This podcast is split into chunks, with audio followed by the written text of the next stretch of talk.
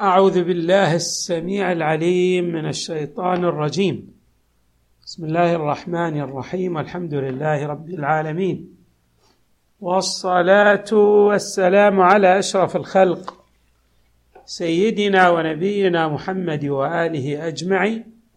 الطيبين الطاهرين. قال الله تعالى في القرآن الكريم إن الله لا يخفى عليه شيء في الأرض ولا في السماء هو الذي يصوركم في الأرحام كيف يشاء لا إله إلا هو العزيز الحكيم. صدق الله العلي العظيم. هذه الآية هو الذي إن الله لا يخفى عليه شيء في الأرض ولا في السماء ترتبط بما تقدم من الآيات. فهي أيضا قد تكون تبيان لوصف لله تبارك وتعالى. الله لا إله إلا هو الحي القيوم. هذا الحي القيوم لا يخفى عليه شيء في الأرض ولا في السماء. وقد تكون مبينة لقوله تعالى إن الذين كفروا بآيات الله لهم عذاب شديد والله عزيز ذو انتقام. الله يعذب عذابه شديد وهو عزيز ذو انتقام وأيضا لا يخفى عليه شيء في الأرض ولا في السماء. فقد تكون من الأوصاف المبينة لوقوع عذابه على الكافرين وكونه العزيز المنتقم. وقد تكون هذه الآية صالحة لكلا الأمرين. يعني مبينة لصفة من صفات الله ألا وهي العلم والإحاطة. بالإضافة إلى الحياة والقيومية. وأيضا مبينة أنه يعذب لأنه يعذب من يستحق العذاب. ولا يستطيع من استحق العذاب أي يتخفى منه أن يخرج عن دائرة عذابه لكونه يحيط بكل شيء ولا يخفى عليه شيء في الأرض ولا في السماء. ولعل هذا الرأي الثالث هو الأقرب يعني جعل الآية ترتبط بكل ما تقدم هو الأولى والأحسن.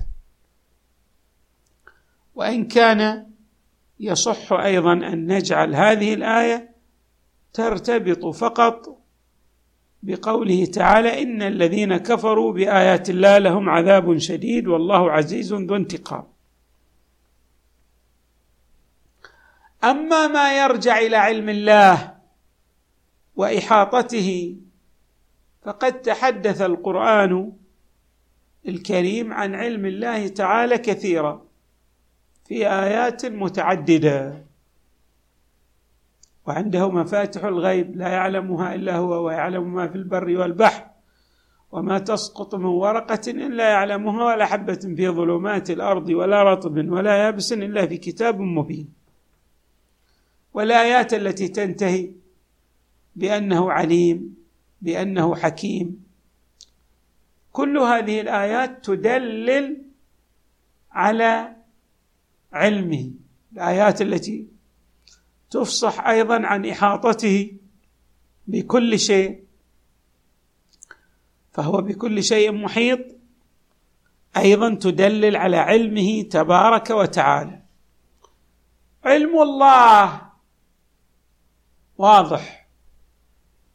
ويظهر علمه بخلقه لأنه هو الخالق وهو الذي أودع فيهم أسرار هذا الخلق يعني خلقه وأودع فيه أسرار خلقته وجعله يسير على وفق نظام دقيق يؤدي بالمخلوق إلى الكمال الذي أعد له الوصول إلى ما خلق من أجله. فاذا الله تبارك وتعالى عندما يتحدث عن نفسه قائلا إن الله لا يخفى عليه شيء في الأرض ولا في السماء. يفصح عن إحاطته وعلمه. وأن هذا العلم لا يعزب عنه شيء. ولعل في الأرض ولا في السماء لا يراد به فقط الأمور المادية يعني التي لها وجود مادي. وإنما يريد الحق تبارك وتعالى أن يبين أن علمه يحيط بالأشياء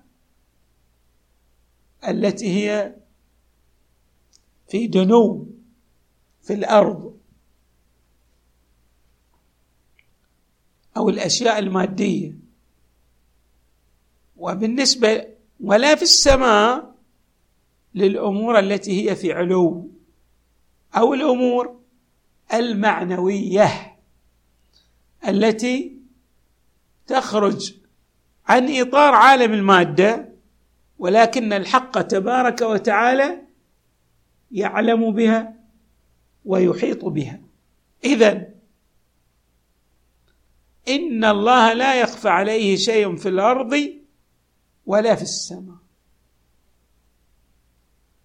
بالنسبة للعلم الإلهي طبعا هناك كلام كثير لكيفية أو في إيضاح كيفية علم الحق تبارك وتعالى بخلقه. كل هذا الكلام ناتج عن مقايسة العلم الإلهي بعلم المخلوق الممكن.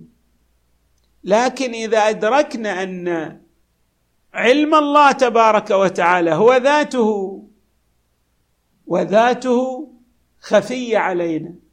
نحن لا نحيط بالذات علما.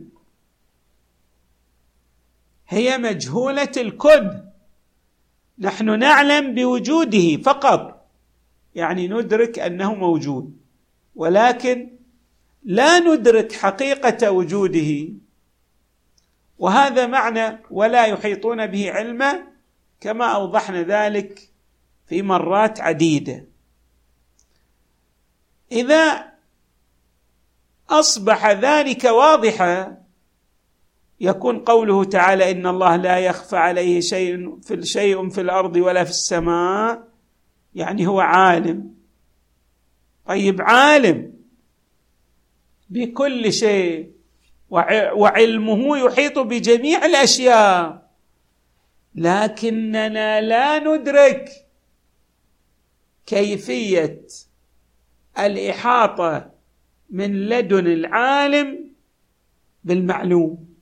يعني ما ندرك كما لا ندرك كيفية تعلق القادر بالمقدور. أيضا المخلوق بالخالق.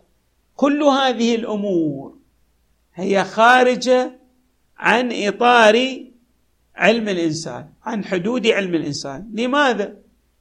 لأنها ترجع إلى الذات والذات غيب مطلق بالنسبة لنا. يعني نحن لا ندرك شيئا في الذات لأن وإنما نؤمن بوجود الحق تبارك وتعالى بالطرق المتعارفة.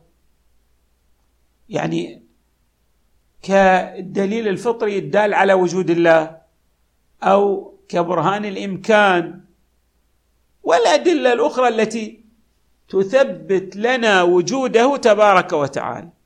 لكننا لا نعلم من خلال إدراك وجود الحق تبارك وتعالى بكنه ذاته لأن ذلك من المحال. والذي قلنا ينقلب إلى تحويل إلى تحويل واجب الوجود المطلق في وجوده إلى وجود محدود وممكن. تعالى الله عن ذلك علوا كبيرا. فاذا نحن لا نعلم بكيفية تعلق العالم بالمعلوم. كما لا نعلم بكيفية تعلق القادر بالمقدور الخالق بالمخلوق. لأن جميع ذلك يستلزم الإحاطة بالذات المقدسة التي هي غيب مطلق وخارجه عن حدود الإدراك. بأي نحو من أنحاء الإدراك الذي يستلزم الإحاطة والتحديد للذات المقدسة بينما هي ذات مطلقة. لا حد لها. ومن هنا نعلم أن إثبات الحد لله يستلزم إحاطة المخلوق بالخالق. إثبات الحد لله يستلزم ماذا؟ اشتراك الوجود الواجبي مع وجود الممكن يعني يتحول من كونه وجودا واجبا إلى وجود ممكن بهذا المعنى. وإذا اتضح هذا المعنى ندرك المعنى الدقيق لقوله تعالى إن الله لا يخفى عليه شيء في الأرض ولا في السماء. لأن جميع ما عداه هو الخالق له وهو المعطي والمانح والمنعم عليه. فإذا كان كذلك هو يحيط به علما يدركه لأنه هو الذي أبدعه. لذا نجد أن تعبير الآيات القرآنية عن علمه بالتعبيرات المختلفة جميع هذه التعبيرات تدلل على تنزيه الذات عن الإحاطة بها. إن الله لا يخفى عليه شيء في الأرض ولا في السماء. بعد ذلك الله عندما أثبت علمه أي اتصاف الذات المقدسة بالعلم والإحاطة بما عداها. أعطانا مثالا. يقرب لنا الصورة. هذا المثال من خلال مفردة من مفردات الخلق. ألا وهي ماذا؟ ها. مسألة خلق الجنين في بطن أمه وتكامل هذا الخلق من نطفة وعلقة فمضغة فعظام ثم تكسى العظام لحمة ثم انشاء لخلق آخر. طيب هذه النطفة هي ماء لزج.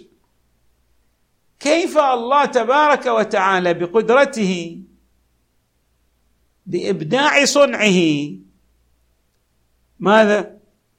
يصور هذه النطفة فيجعلها مثلا ذكرا تارة وأخرى أنثى.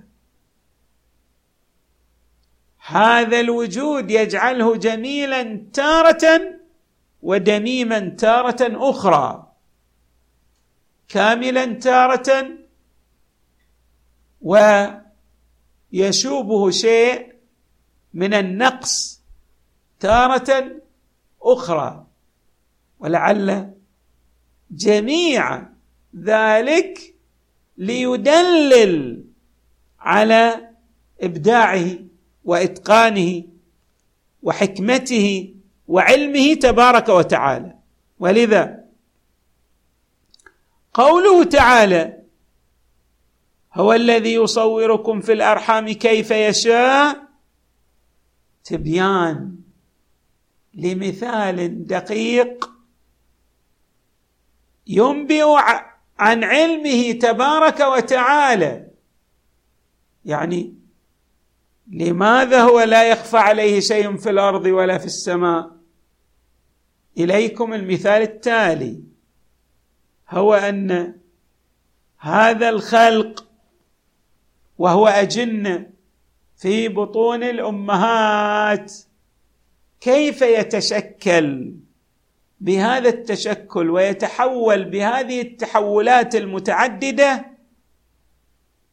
لو لم يكن هناك وجود يمده يعطيه ينميه يرزقه ويغذيه أو يغذيه.